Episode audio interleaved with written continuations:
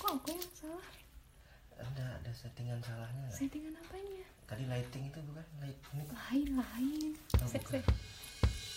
Assalamualaikum warahmatullahi wabarakatuh. Selamat datang di podcast Cerita Dosen Muda. Kenalin, aku Dila. Podcast ini sebenarnya rekaman dari live Instagram yang aku buat sama teman-teman setiap malam minggu. Kalau mau lihat, boleh cek aja di Instagram aku @rafidila R H A F I D I L L A Nah, di episode 1 ini aku ngajak teman seperjuangan waktu S2 Inta Sevilla, Sarjana Ilmu Informasi dan Perpustakaan, Magister Ilmu Komunikasi. Sekarang dia udah jadi dosen juga, UPN Veteran Jakarta. Kita cerita nih soal kehidupan kita sebagai dosen muda. Selamat mendengarkan.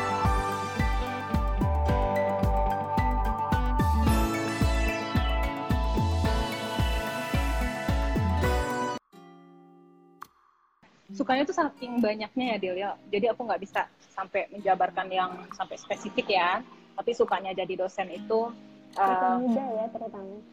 ya dosen mudanya sukanya itu kita kan karena masih awal ya karena masih awalnya itu jadi uh, wadah untuk kita belajar itu terasa lebih banyak sekali karena um, positifnya dosen-dosen yang senior dari kita banyak sekali memberikan kita kesempatan untuk belajar apa saja. Mulai dari hal-hal yang anggaplah dari administrasi terus habis itu sampai ke uh, keilmuannya itu banyak sekali dosen-dosen yang senior dari kita itu memberikan kader men- mengkaderkan ilmunya kepada kita. Jadi uh, sukanya itu. Jadi kembali lagi kepada kesukaan kita karena kita mau belajar jadi makanya kita menerimanya dan kita suka mengerjakannya gitu dia jadi aku ngerasanya itu. Jadi uh, wadah untuk belajar itu banyak banget uh, semenjak masih muda ini. Dan kesempatan kita untuk berjejaring itu luar biasa banyak lagi. Karena sekarang kan kalau seandainya kita um, kita kan di komunikasi nih ilmu komunikasi. Kita juga pasti berhubungan dengan para praktisi kan nah orang-orang yang praktisi ini kan juga muda-muda nih dia jadi juga seru kan? Ya seru kan untuk belajar barengnya itu lebih seru. Jadi uh, dengan sukanya itu. Terus habis itu um, selain itu sukanya jadi dosen ini um, selain yang banyak wadah belajar kemudian yang kedua uh, kita punya kesempatan.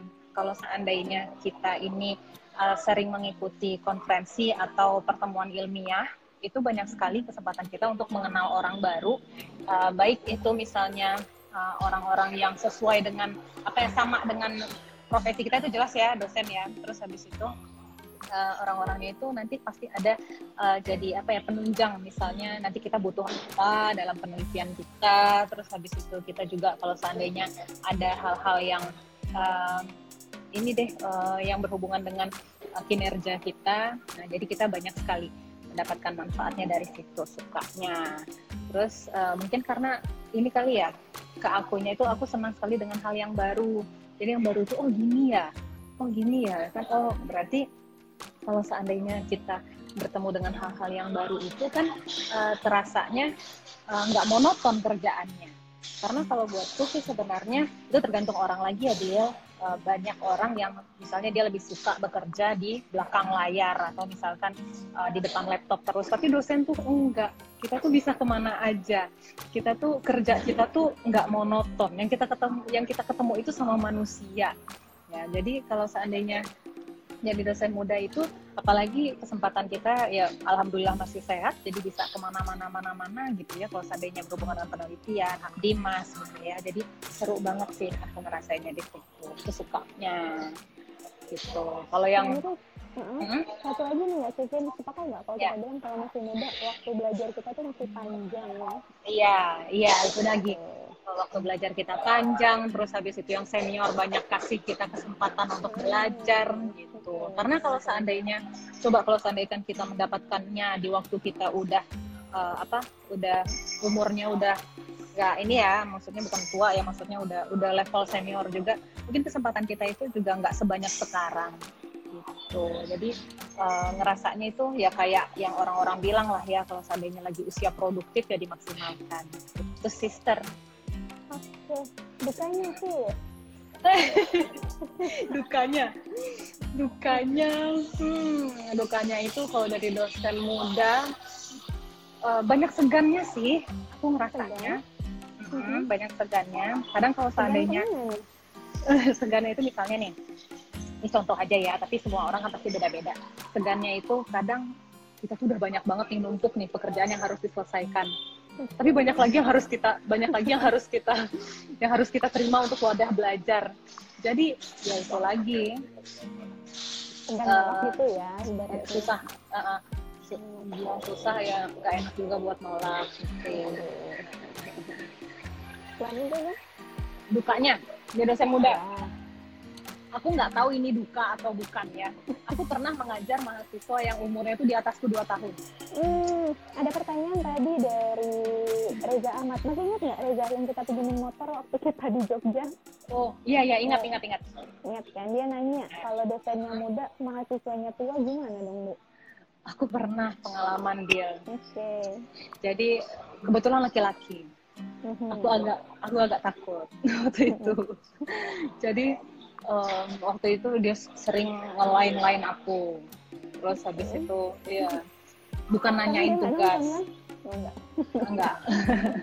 Nah, bukan nanyain tugas. Jadi ya, bukan nanyain tugas itu sih. Jadi aku waktu itu agak takut sih di situ ya. Karena mungkin karena kita perempuan juga kali ya usianya di atasku dua tahun. Waktu itu aku baru pertama kali ngajar tahun 2016 Hmm. Nah, terus akhirnya aku akhirnya sampaikan ke dosen PA-nya gitu. Aku juga agak takut. Soal uh, mahasiswa yang lebih tua pernah waktu itu satu kelas itu cowok semua juga aku nggak diizinin ngajar ya jadi kelas aku tuh pernah ada yang satu angkat itu cowok semua aku nggak diizinin ngajar karena waktu itu aku belum Hmm. menikah waktu sudah menikah dibolehin tuh aku ngajar di kelas Oh. itu itu pertama terus yang kedua justru kalau aku malah enak ya enak Hmm. itu uh, kadang gini jadi kayak bersahabat sama mereka. Jadi ada yang karena bimbingan sama aku juga aku tuh panggil dia bapak jadinya pak kayak gini dong kayak gini gitu. Karena kebetulan dia juga udah punya anak malahan. Oh iya iya. iya. itu malah enak. Terus ada juga sih yang angkatan berapa ya harusnya dia. Pokoknya di atas aja. Sampai Hmm. bercanda dia tuh sampai bilang harusnya saya manggil eh, ibu atau adik ya kayak gitu. Kita bercanda. Iya bercanda. uh, juga sih. Dan uh, kayaknya nggak begitu masalah ya Vin ya tapi Ya nggak masalah. cuman nggak ada lah ya pengalaman kita Iya pengalaman. Oh ya biasalah karena takut aja sih itu biasa. lanjut dukanya Vin masih ada nggak Apanya dukanya? Eh, ini duka jadi dosen ya soalnya nanti akan ada pertanyaan dari uh, apa ya tadi uh, Mujayana suka duka sampai bisa jadi ke dosen tapi ini kita nanya dukanya pas jadi dosen dulu aja eh, pas jadi dosennya dulu dukanya. hmm, Apakah mungkin karena aku terlalu enjoy dengan pekerjaanku, aku ngerasa nggak ada duka? nanti kita skip aja ya langsung ke dukanya bisa mencapai jadi dosen di usia muda katanya ini pertanyaan dari Mujayana ya gimana dia nggak kedengerannya? suka dukanya Heeh. eh, mencapai ke titik sekarang. Mungkin Oh. apa sampai sini gitu. Eh, suka dukanya sebenarnya dia agak merisik lagi live ya. Suka dukanya sampai dengan titik sampai sekarang. Oke. Ah, suka dukanya itu aku em, apa ya waktu itu aku mungkin karena kita masih awal banget ya em, kayaknya sih nggak cuma dosen aja tapi semua profesi pun kalau seandainya kita baru memulai pasti banyak hal-hal yang misalnya agak nggak enak orang lain memandang kita eh, yang mereka butuhkan itu yang levelnya itu lebih tinggi dari kita ya itu wajar lah namanya juga ini ya eh, fresh graduate ya.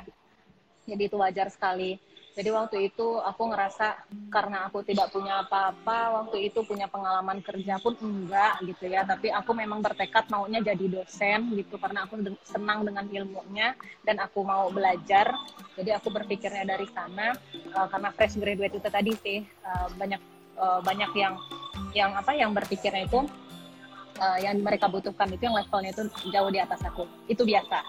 Terus habis itu eh, selanjutnya waktu pas aku eh, yang suka dukanya itu waktu pas awal mulanya ketika kita ngajar itu kan kita nggak selamanya punya orang tempat kita bertanya kan Bill. Jadi mau nggak mau kita harus belajar sendiri itu. Gimana caranya kita harus punya cara untuk uh, kita itu bisa uh, kasih yang paling baik untuk mahasiswa kita. Nah jadi kalau seandainya kita nggak ada tempat bertanya itu, aku ngerasa agak uh, gimana ya akan tidak optimal kalau seandainya uh, terjadi yang seperti itu. Tapi itu jadi tantangan. Karena ke, karena keterbatasan aku jadi mikirnya itu tantangan kita dan akhirnya uh, memang uh, mengusahakan untuk diri sendiri gitu.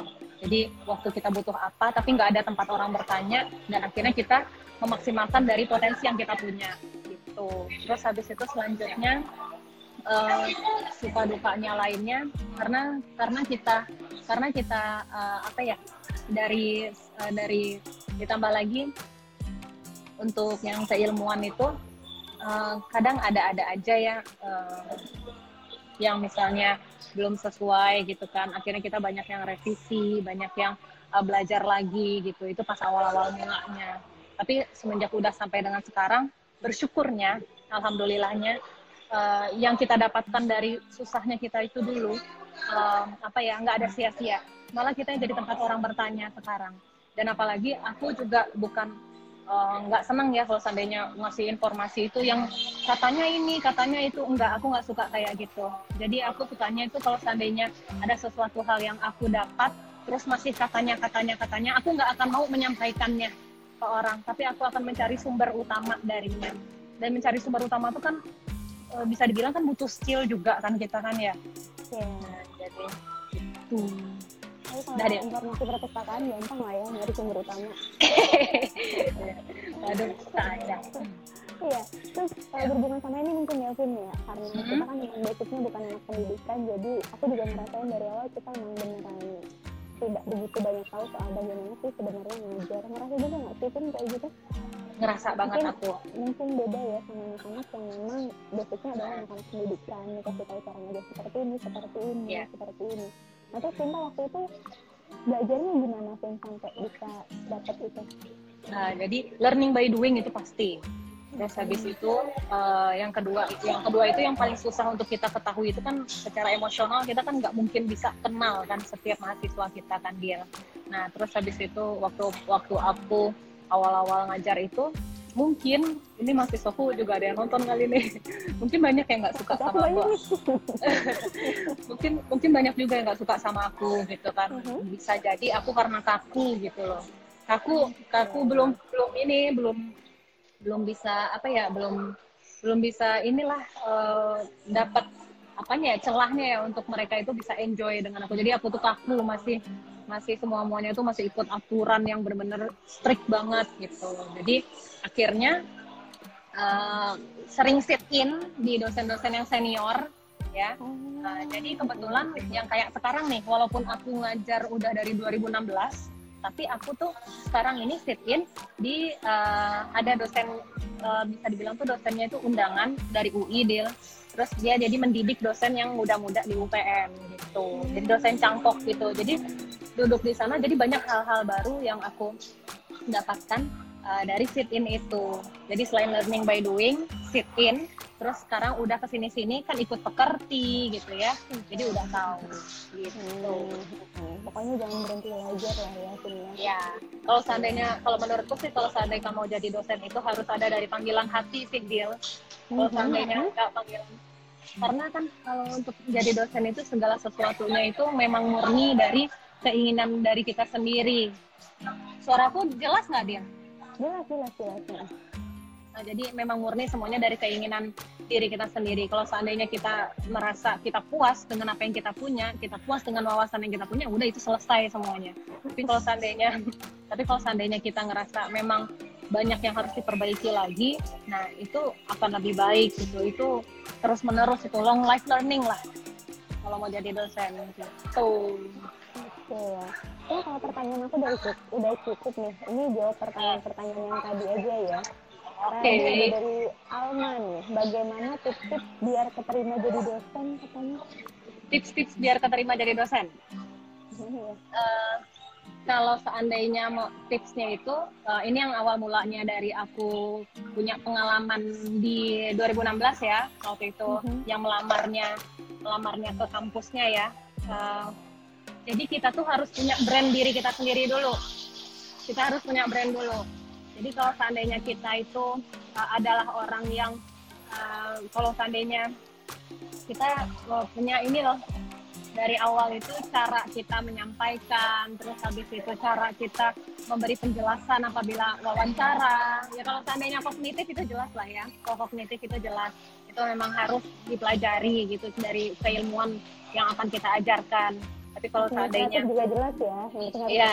gitu ya administratif, terus habis itu kognitif itu jelas itu harus dipelajari semuanya. Terus kalau seandainya untuk diri kita sendiri, untuk eh, untuk eh, apanya ya, untuk eh, biar orang melihat kita, kita harus punya brand dulu buat diri kita sendiri. Jadi kalau seandainya eh, orang itu melihat kita punya potensi, itu pasti dia akan melirik kita gitu. Jadi eh, lihatkanlah cara kita berkomunikasi yang baik gitu kan. Karena kita bertemu dengan orang gitu ya dengan ma- mahasiswa apalagi sekarang mahasiswanya generasi Z gitu jadi uh, kita harus bisa untuk uh, soft skill kita yang kita uh, kita kita punya dulu. Yang pertama itu yang komunikasinya harus bagus terus habis itu kita harus punya brand untuk diri kita sendiri gitu. Dengan cara berpenampilan terus habis itu cara bertutur kata terus uh, kalau seandainya waktu wawancara itu dimaksimalkan dengan sebaik mungkin gitu dia. Kalau seandainya untuk yang CV dan lain-lainnya itu ya biasalah ya kalau CV itu kalau kita ngelamar ya sesuai dengan apa yang kita tuju gitu ya eh, deskripsinya. tergantung di tempat-tempatnya juga ya Iya. tidak eh, intinya buat temen ya paling tidak kamu harus tahu tempat yang kamu tuju itu seperti apa Ya. Oke Yes. ya Betul. terus tadi ya sempat menyinggung soal generasi milenial kesulitan Ah. nggak ngajar generasi milenial Gimana? Generasi- kesulitan nggak ngajar generasi milenial Oh. Kesulitan enggak, tapi aku kaget. Iya. kaget Ah, kaget terus terang aku kaget karena aku membandingkan dengan aku dulu waktu masih jadi mahasiswa Oke. 10 tahun yang lalu dan 2014 ya dan 6 tahun yang lalu gitu. Jadi membandingkannya dengan eh, di zaman aku. Karena tuh kalau seandainya kita eh, aku mengajarkan milenial itu kan em, yang pertama itu kita harus tahu dulu karakternya mereka. Mereka itu Hmm. benar-benar fast learning banget deal jadi nggak ada yang namanya mahasiswa itu yang kosong kepalanya itu kalau menurut aku nggak ada satupun yang kayak gitu. Setidaknya mereka udah punya insight untuk yang uh, untuk pembelajaran kita atau untuk uh, materi yang akan kita sampaikan nah terus habis itu uh, kebetulan mahasiswa mahasiswa mahasiswa mahasiswaku itu benar-benar orang yang kritis banget. Jadi kalau seandainya hmm, ini kalau seandainya kita menyampaikan materi itu uh, nggak ada yang diterima plok-plok gitu enggak tapi pasti ada aja yang menanyakan kok bisa kayak gini bu? Gitu. Terus habis itu eh, kenapa kok kenapa kok teori ini begini? Tapi saya pernah lihat loh bu di eh, di repositori kampus apa gitu kan dia punyanya tujuh kok yang ibu sampaikan enam nah gimana tuh jadi tantangan ya Heeh. Eh, eh, jadi eh, tertantang sekali di sana. Eh, terus habis itu kalau generasi eh, sebenarnya itu kalau dilihat dari usia itu yang sekarang yang kita mahasiswa-mahasiswa kita ini eh, usianya yang angkatan 2017-an ya sampai yang sekarang sekarang ini generasi yang Z ini dia. Eh, kalau yang milenial mah kita. jadi ya benar Uh, jadi uh, jadi mereka itu bukan lagi dikatakan orang yang born with digital kayak kita, tapi uh, eh grow up with digital kayak kita, tapi mereka itu born with digital. Ya, kita kan grow up, mereka itu born with digital. Jadi mereka itu udah lahir, udah udah nonton YouTube sebelumnya. Gitu. Iya, Kalau kita kan masih aja kan udah difoto iya, ibunya pegang begini. gadget fotonya udah begini. udah begini udah pegang gadget juga Nah, udah ada yang videoin Oh, udah ada yang videoin. Oh, benar. Jadi aku ngerasanya itu sih nggak eh, apa mere- mereka benar-benar kritis banget.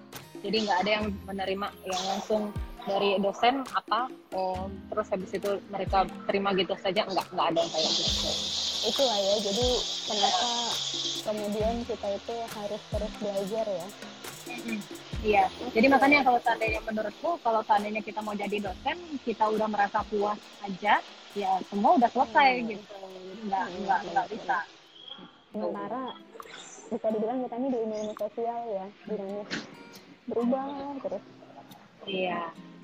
berhubungan lagi nih masih sama mahasiswa ada pertanyaan yang hampir mirip sih Oh, dari Ihsan, Bu mau tanya dong cara kontrol emosi ke mahasiswa. Kalau kan umurnya nggak beda-beda jauh ya katanya. Iya, menghela nafas yang pertama. Baca istighfar.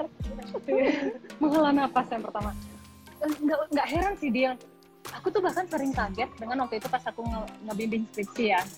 Mhm, Mahasiswa aku yang ngasih eh, aku deadline. Coba. mhm. Jadi kasih deadline aku. Bu, tanggal segini harus daftar sidang. Hmm? Terus gitu. Terus eh, jadi jadi itu sih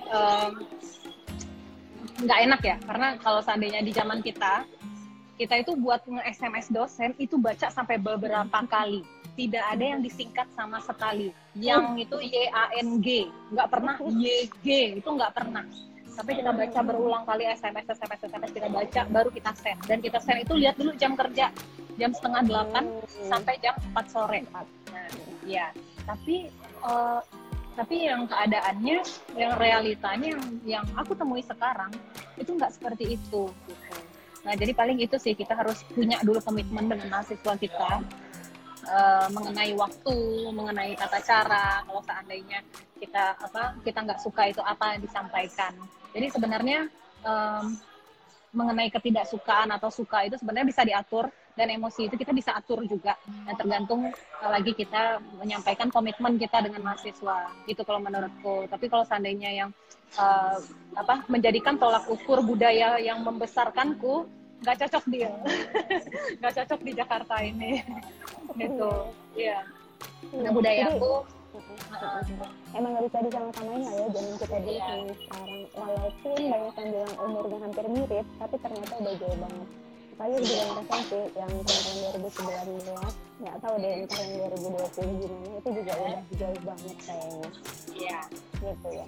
Terus Iya. ada lagi nih yang hampir mirip. Mirip. nah Sering ada mahasiswa yang sembrono gitu nggak? Mentang-mentang kita masih muda terus biasa enaknya. Pernah dapat pengalaman gitu nggak, Pin? Ini pertanyaan Eh. dari Rima. Aku pernah dia. Oke. aku pernah aku kayak gitu. Jadi waktu itu aku lagi uh, ngebimbing skripsi juga. Oh, dari tadi yang tentang bimbingan skripsi semua ya?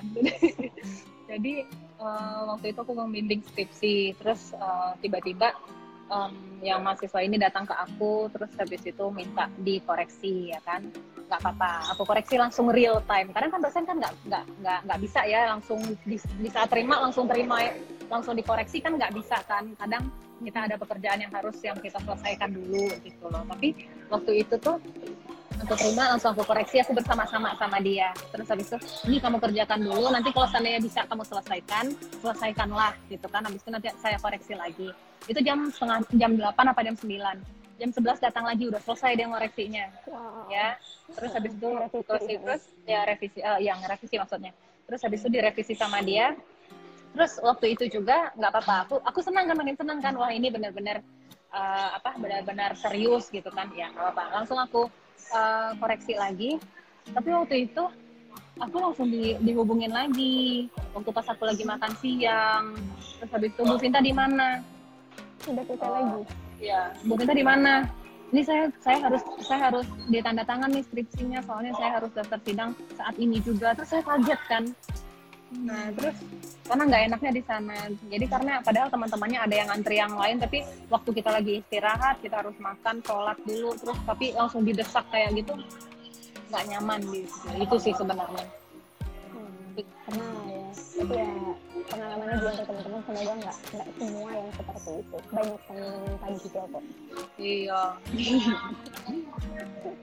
Oke. Terus ada lagi nih pertanyaan. Berapa banyak yang nggak percaya kalau kamu dosen? banyak banget. Banyak. Banget. Aku pernah diomelin sama OB dia Oh, iya, aku juga pernah kok, tenang aja. kamu waktu itu sama, sama- di parkiran ya? Diteriakin ya? di, di laboratorium. Enggak Oh, di di laboratorium pas sore. Aku kan dulu emang awal jadi kan masuk lembur ya pulangnya sampai sore kadang maghrib. Kadang itu aku masih di kampus dulu. Kalau dulu hmm, namanya juga kayak uh, mantap atau pulang ke rumah juga nggak ngapa-ngapain kan. Kalau dulu jadi aku lebih suka ngabisin di Terus disuruh pulang. Ya udah sore aku nggak tahu ceritanya kan perasaan udah aku tutup ya udah aku tutup aku kunci Eh, ternyata entah mungkin ada yang datang lagi nge- ngebuka tapi klinik itu ya aku yang terakhir aku dimarahin dong dibilangin nggak kunci pintu udah dikunci deh Heeh, tapi besok besoknya udah tahu kalau aku dosen biasa aja sama juga ada anak-anak apa ya? Kok jadi aku sih yang cerita? Nggak apa-apa. Ngobrol. Ya. sama waktu itu ini deh anak anak-anak yang jaga perpustakaan dia mahasiswa sebenarnya. Dia nggak tahu kalau aku dosen. Dia marahin aku gara-gara aku masuk sepatunya belum aku lepas Ya ampun, lu dimarahin. Aku di Dimarahin. Terus besoknya ketemu dia minta maaf minta maaf terus tiap ketemu dia malu banget sama aku Oh, nggak enak ya, langsung nggak enak.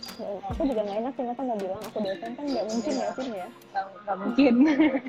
kalau Vin tuh gimana berapa banyak yang nggak percaya sama aku pertama kali masuk kelas juga ada yang berbisik ini dosennya gitu pertama kali tapi jangan dulu banget Oh.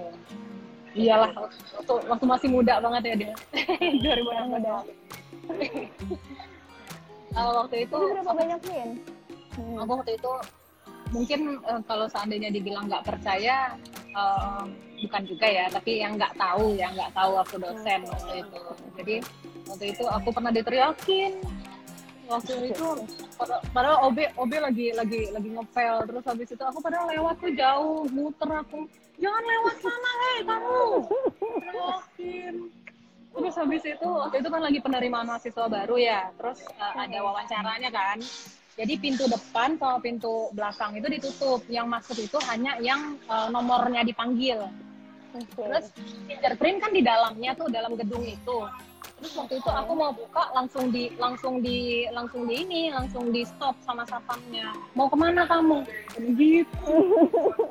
Mau absen pak. Gitu. Oh, fingerprint pak. Ya kan oh ya udah ya udah. Gitu ya udah ya udah. Gitu oh ya ya. Oh ya udah ya udah. Ya ma- maaf bu. Gitu terus kemarin masih kemarin. kemarin. Kemarin. Banget waktu pas uh, udah mulai WFH WFO Oke. Nah, terus habis itu uh, ya kebanyakan sih orang-orang yang baru sih deal kalau seandainya orang yang udah kenal juga enggak. Terus habis itu waktu pas masuk mau ke mana? Mau ke mana neng? Gitu. Di di pagar. Mau ke mana? Kan pakai masker ya. Mau ke mana neng? Gitu. Mau ke mana ya pak? Ya tapi aku masuk aja. Aku masuk aja. Waktu itu aku nggak pakai nemtek sih. Mau ke mana ya pak? Ya tapi aku jalan aja Nggak apa-apa Ya. masuk. Masuk nggak apa-apa temennya udah ngeliat Oh gitu. Ini sekaligus pertanyaannya hampir mirip sih sama Ya. pernah dimarahin sama admin nggak? Udah terjawab lah ya kalau itu. Ini pertanyaan dari temen aku juga, dosen muda juga nih Endah di di Solo dia. Itu kayaknya lagi nggak gabung sekarang untuk pertanyaan yang tadi. Sama terakhir nih pertanyaan teman kita Tesari mirip juga nih katanya. Oke. Sering dikira mahasiswa nggak sama orang rektorat katanya? Ser- sering sering untuk yang nggak kenal sih deal jadi Iya. eh, kalau seandainya kalau seandainya ada yang udah kenal sih em, ya biasa lah ya lagi pula kebetulan aku kalau seandainya kegiatan-kegiatan rektorat sering ikut jadi paling yang nggak kenal aja gitu ya. Sekarang malah jadi aneh nggak sih? Aku tuh kadang-kadang suka aneh kalau bapak-bapak terus manggil aku ibu gitu. ya Iya, kalau bapak-bapak karena nggak kenal ya sekarang ya. Iya. Manggilnya ya bu gitu manggil aku. iya aku Jadi aneh ya. Eh, soalnya kan kebetulan eh, banyak yang eh, pegawai yang umurnya sebenarnya udah seumuran dengan orang tua kita tapi panggil kita ibu. Ibu. agak gimana gitu panggil nak aku juga senang kok ke mana nak gitu aku juga senang Iya ya. Aku juga canggung jadinya deh kalau dipanggil ibu Iya. sama orang yang sebenarnya masih usia mama sama papa kita ya. iya iya orang tua kita gitu panggil nak aku juga nggak salah iya Ini ada pertanyaan nih dari Cip Iya. Aldila, temannya Cinta ya. iya Mbak Apakah? nanya, kenapa lebih milih jadi akademisi daripada praktisi? Apa karena passion terus pengen jadi akademisi apa gimana?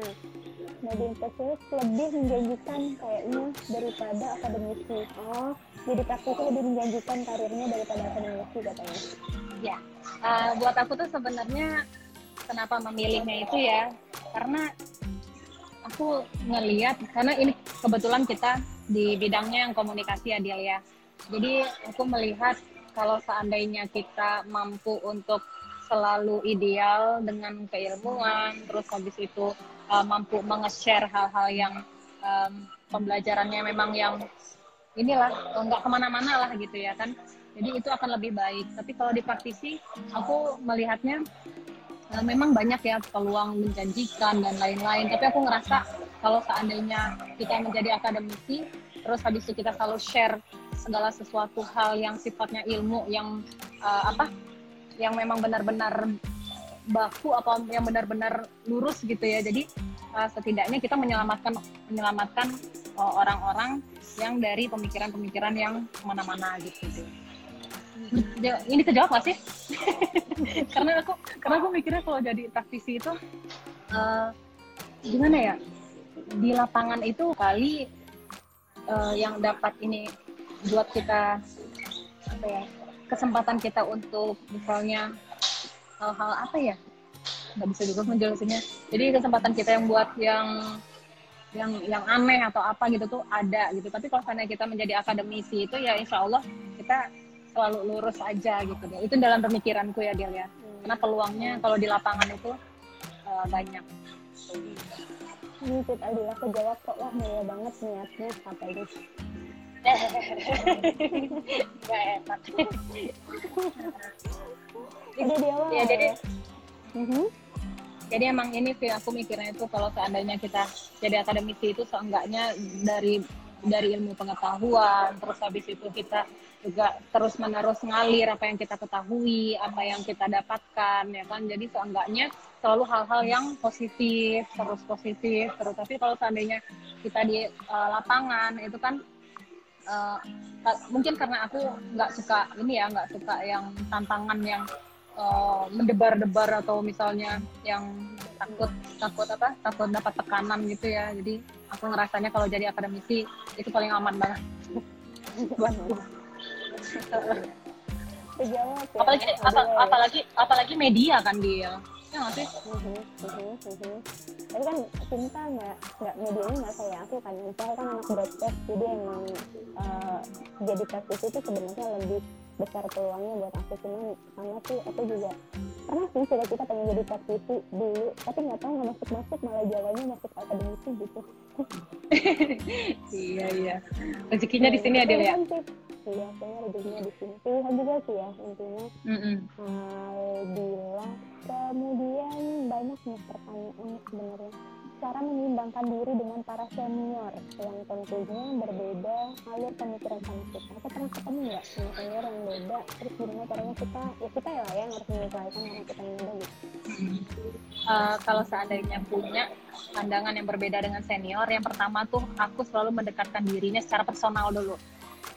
Jadi aku nggak akan pernah bilang ke senior itu, ibu salah, ibu nggak bapak salah gitu, nggak akan pernah kayak gitu. Tapi secara personal, ya secara personal dulu. Terus pak, saya baca ini pak, bu, saya baca ini bu. Itu gimana ya bu ya? Jadi uh, mulailah dengan rasa ketidaktahuan kita jadi aku merasa seperti itu sih.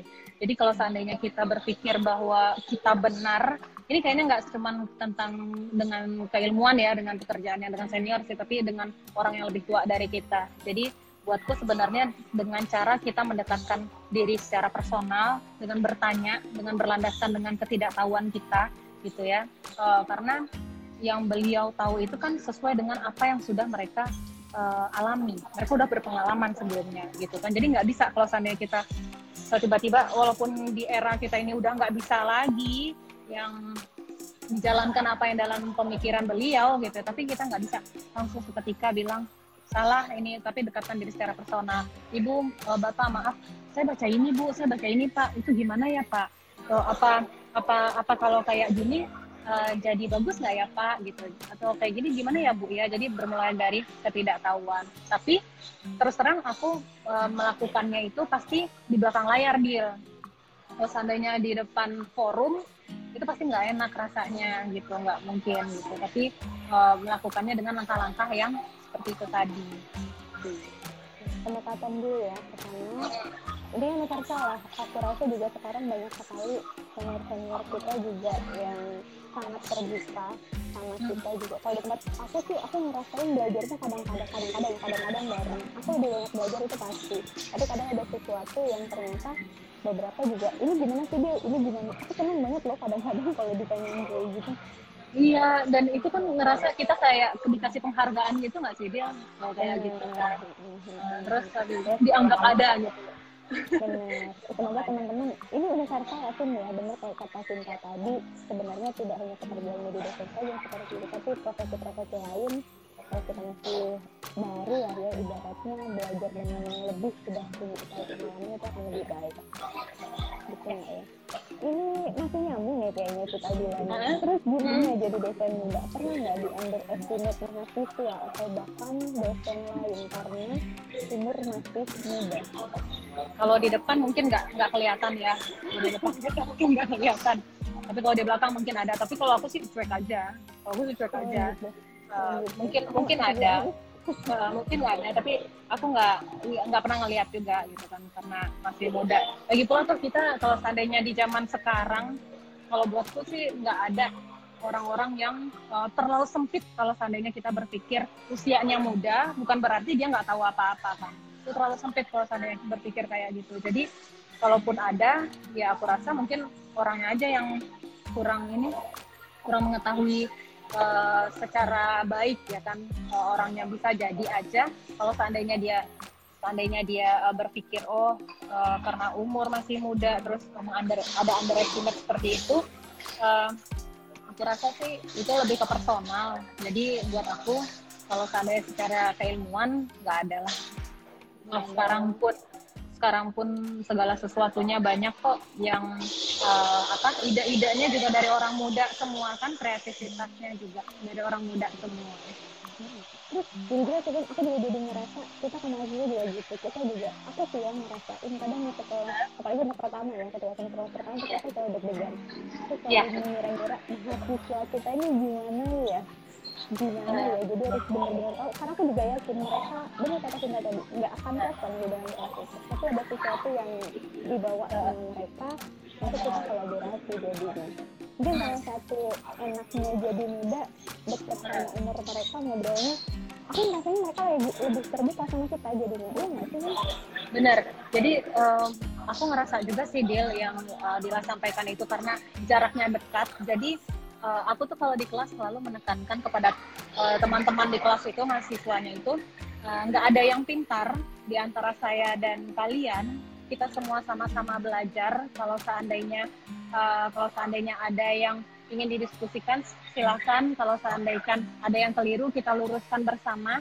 Terus habis itu Uh, karena suatu saat nanti saya yakin dan percaya saya yang akan belajar kepada kalian. Jadi itu sih yang selalu aku tekankan di kelasku di saat pertama kali bertemu. Karena buat aku tuh sebenarnya uh, kalau seandainya berpikirnya apa kita yang paling tahu segalanya, hey please lah. Dunia itu sekarang udah di dalam genggaman kita, jadi udah nggak bisa lagi kalau seandainya kita bilang, uh, oh uh, saya yang paling tahu, gitu, nggak ada. Jadi kalau seandainya ketemu sama mahasiswa, paling perbedaannya antara saya dengan kalian. Ya saya duluan tahu aja duluan aja. Tapi yang wawasan mereka luar biasa dia luar biasa banget. Bahkan aku ngerasa ada hal-hal yang nggak aku tahu aku aku jadi tahu dari mahasiswa. Hmm. dan aku juga terasa kayak gitu dan seneng rasanya juga. Malah dikasih tahu sama mereka oh iya ya. Bahkan aku kadang suka terang-terangan eh, bilangnya oh iya ya emang ada yang kayak gitu ya? Iya bu yang kayak gini kayak gini. Justru malah jadi terbuka seperti itu. Gitu. Nih nyambung nih pertanyaannya Zulfa. Halo Zulfa. Ini Zulfa. oke Zulfa ini mahasiswa aku KPI eh enggak deh aku nggak sempat ngajar tapi sempat sering ketemu. Nah, apa jadi dosen wajib pinter dulu bu? Kalau ditanya mahasiswa tapi belum tahu jawabannya gimana. Dan triknya ngeles aku kalau nggak tahu aku jawab nggak tahu loh. Kalau aku nggak tahu aku biasanya kalau seandainya aku nggak tahu oh, so, aku aku selalu bilang eh, wah pertanyaannya eh, kebetulan saya belum ini nih saya belum saya belum pernah belum pernah baca sebelumnya gitu. Eh, kita cari yuk sama-sama cari dulu yuk kita googling dulu yuk sama-sama. Eh, tiga atau lima menit dulu aja gitu. Yuk kita cari yuk yang ini. Ini apa? Yuk kalian ketemunya apa gitu. Jadi jadi diskusi. Justru aku tuh selalu senang kalau seandainya ada yang baru gitu.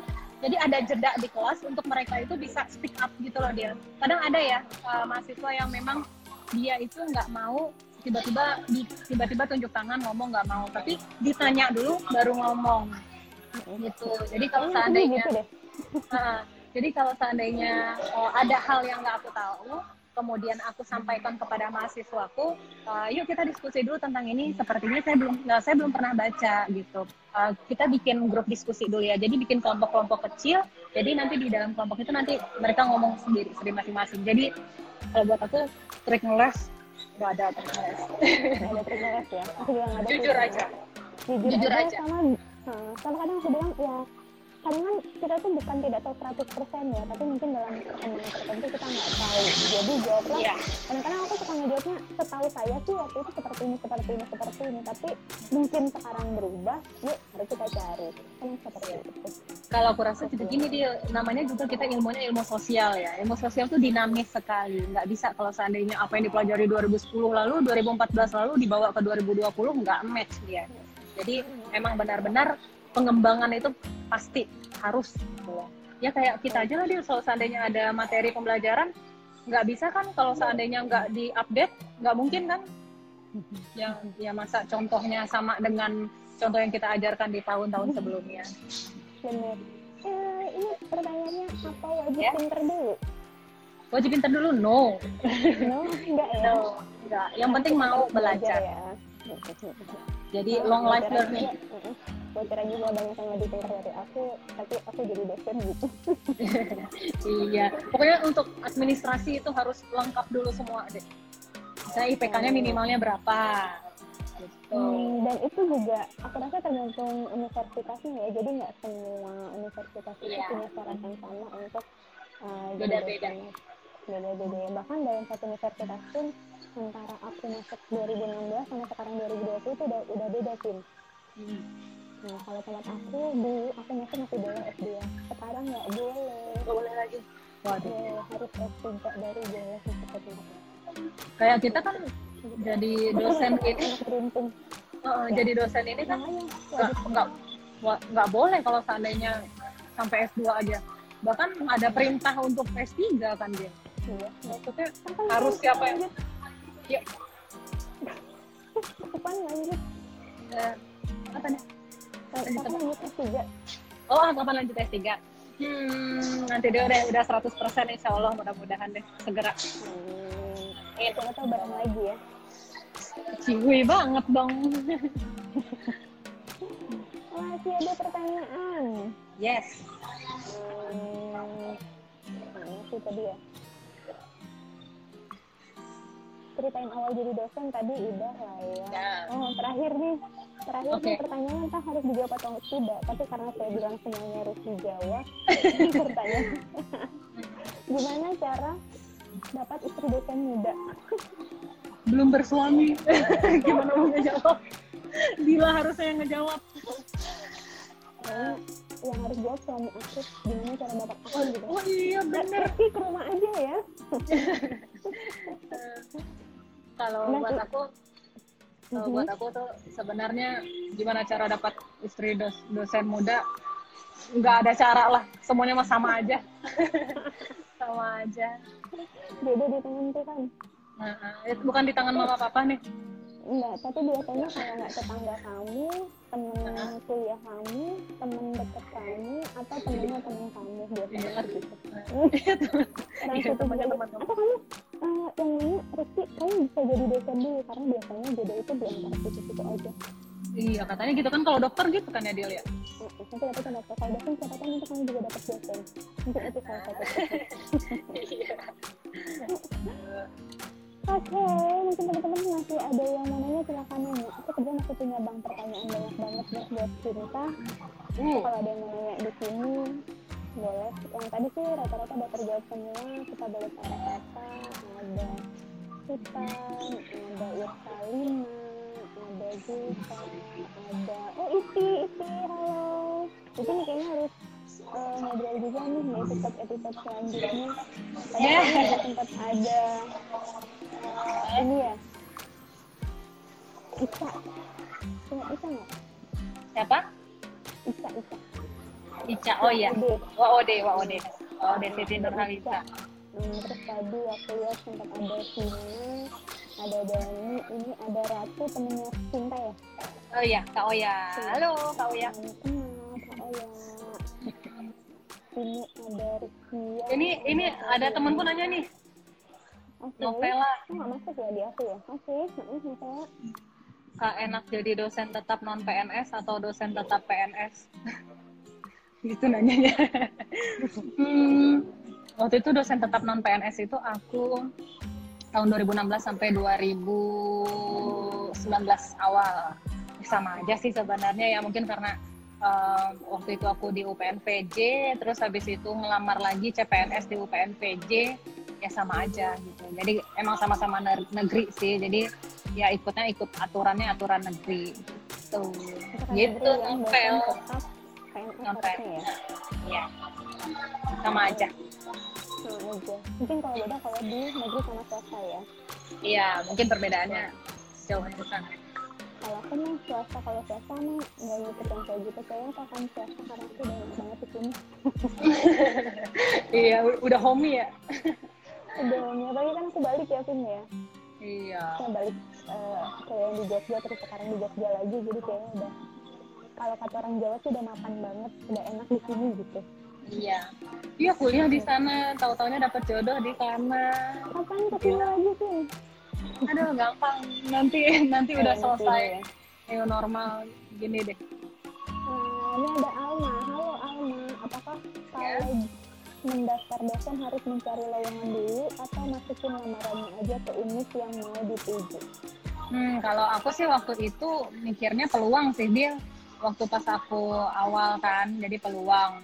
Eh, melihatnya waktu itu baru-baru negeri juga kan, jadi berpikiran eh, mungkin perlu dosen gitu, mungkin but- butuh dosen jadi masukin gitu. Jadi triknya adalah eh, pertama coba dulu aja dimasukin lamarannya, terus habis itu nanti kalau seandainya biasanya prodi-prodi udah membutuhkan ya itu pasti akan dipanggil orang-orang yang uh, udah ada namanya itu itu sesuai dengan kualifikasi dan kebutuhan nama prodinya lagi Pasti akan diprioritasin ya. iya gitu Alma Iya, Alma saran aku dari saya juga nih, kalau kamu nyari aku di kayaknya. iya saya juga. Eh, gini, biasanya kamu kalau kita lagi lulusan di kayaknya lah ya kita sebut, biasanya kalau kamu pulang ke daerah ke tempat kamu itu kemungkinan besar akan jadi dosennya lebih mudah seperti itu. Terus dua-duanya bisa dicoba berarti nih ya, bisa cari lowongan terus dimasukin atau ya udah masukin aja ke pengembangan cinta gitu ya. Kalau dulu kebetulan karena ada lowongan. iya. Kalau ada lowongan pasti harus dimasukin. Tapi kalau seandainya pun kita udah punya bayangan kita mau di mana masukin aja. Tapi jangan masukinnya di tempat yang kita yang penting masukin dulu aja jangan. Nanti tahu-tahunya dipanggil hmm, tahu-tahunya dipanggil tapi kita oh, nggak cocok gimana Oh, benar. Jadi kembali lagi ke awal tadi ya, kalau dibilang tahu dulu nih tempat kamu di mana gitu. Tahu Ya. dulu prodi yang mau dituju itu mana, baru Ya. itu. Boleh juga sih kalau ada yang nanya kalau ingin tahu kenal gitu ya. iya. Halo Vina, kita disuruh disuruh ke Jogja nih Bu.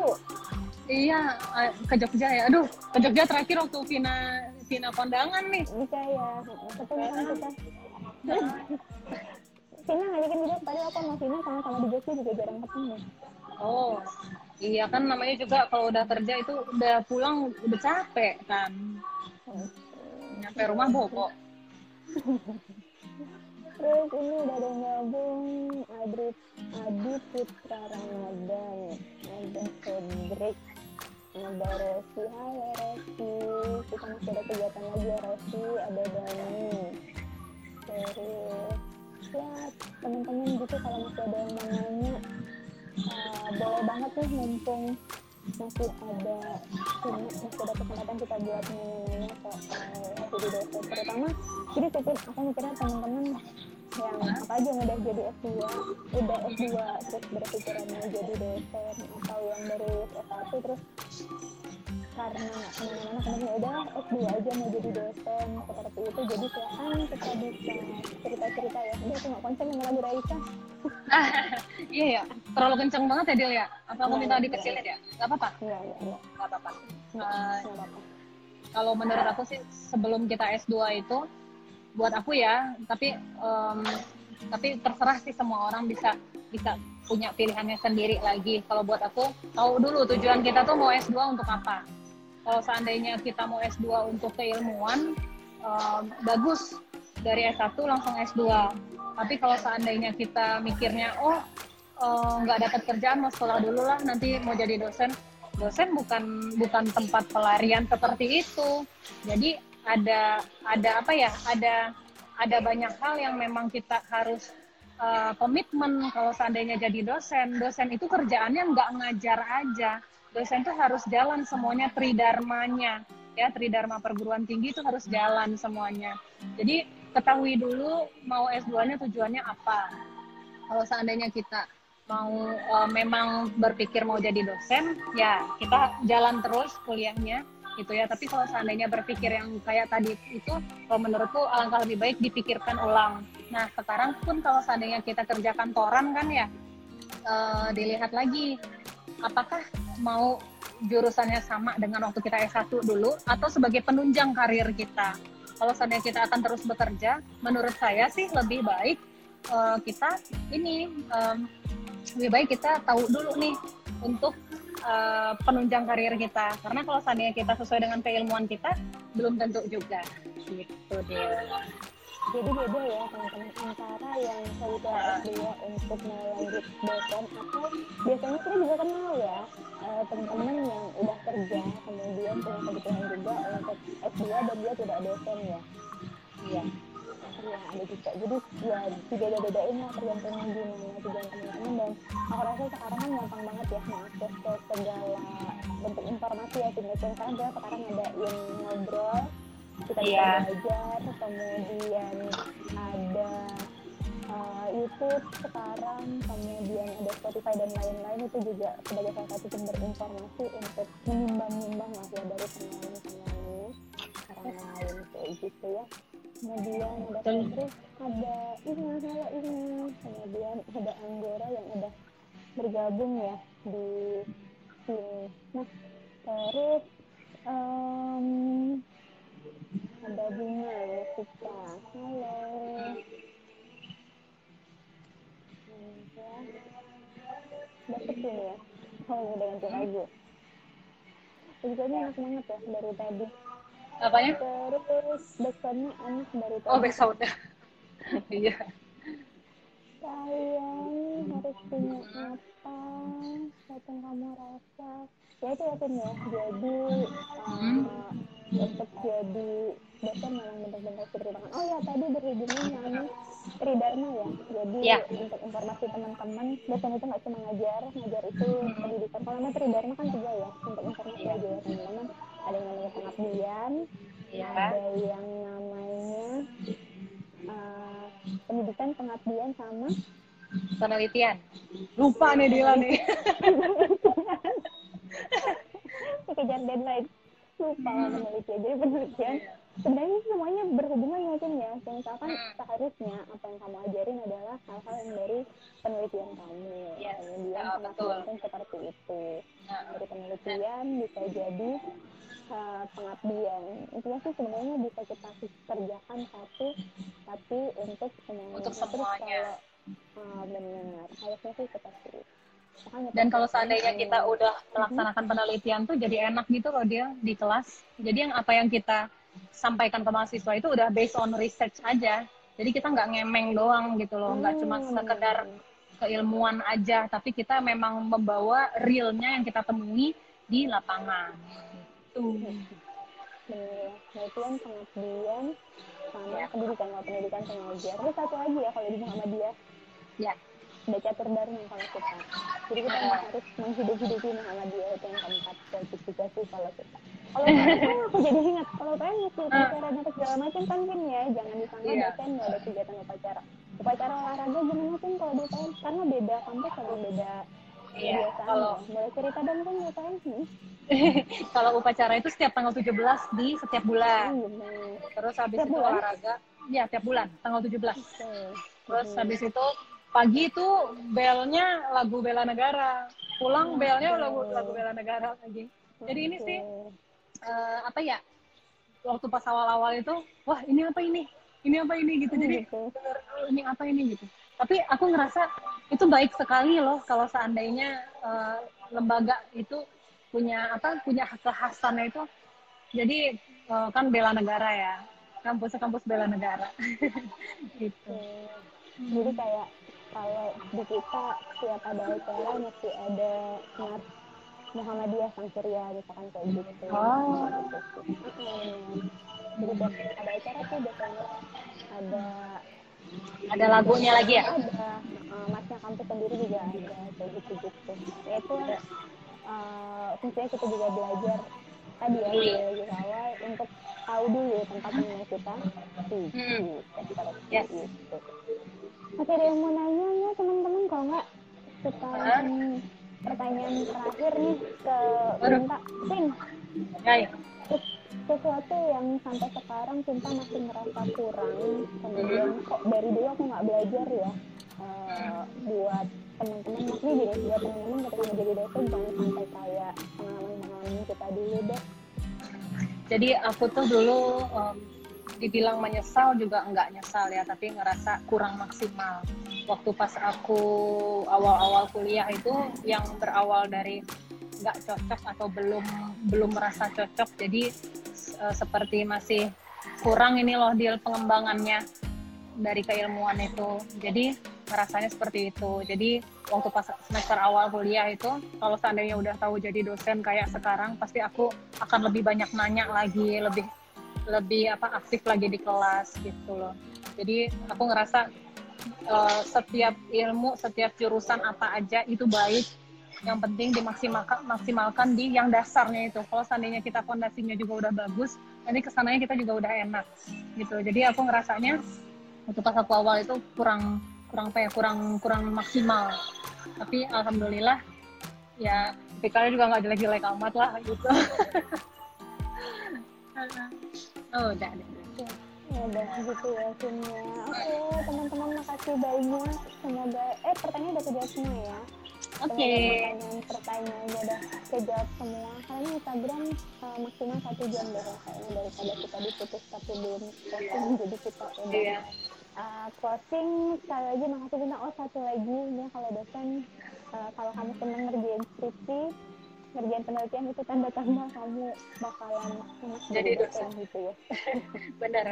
Oh, kalau seandainya yang tentang skripsi itu buat mahasiswa aku ya terlebih kalau seandainya kita enjoy mengerjakan dengan apa yang kita suka itu kita akan secara apa ya em, ngalir aja yang dikerjakan itu pasti ngalir aja tapi kalau seandainya kita udah mulai terasa beban untuk mengerjakan skripsi ya itu akan eh, nggak semengalir yang kalau seandainya kita suka jadi menurutku kalau seandainya teman-teman em, menulis eh, skripsi terus habis itu tugas akhirnya eh, carilah yang memang sesuai dengan kesukaan kalian jadi kalau seandainya kesukaan selain cepat selesai data kita mudah kita temukan terus habis itu yang ketiga kita juga bangga dengan hasil karya kita gitu. Oke, gitu ya. Terakhir masih ada dua menit, eh nggak ding satu setengah menit. Semangat nih untuk teman-teman yang mungkin pengen juga nih jadi dosen muda. Oke, nah eh, semangatnya buat aku sebenarnya belajar itu sungguh-sungguh lah gitu. Kalau seandainya ada kesempatan sekarang itu nggak akan mungkin terulang lagi.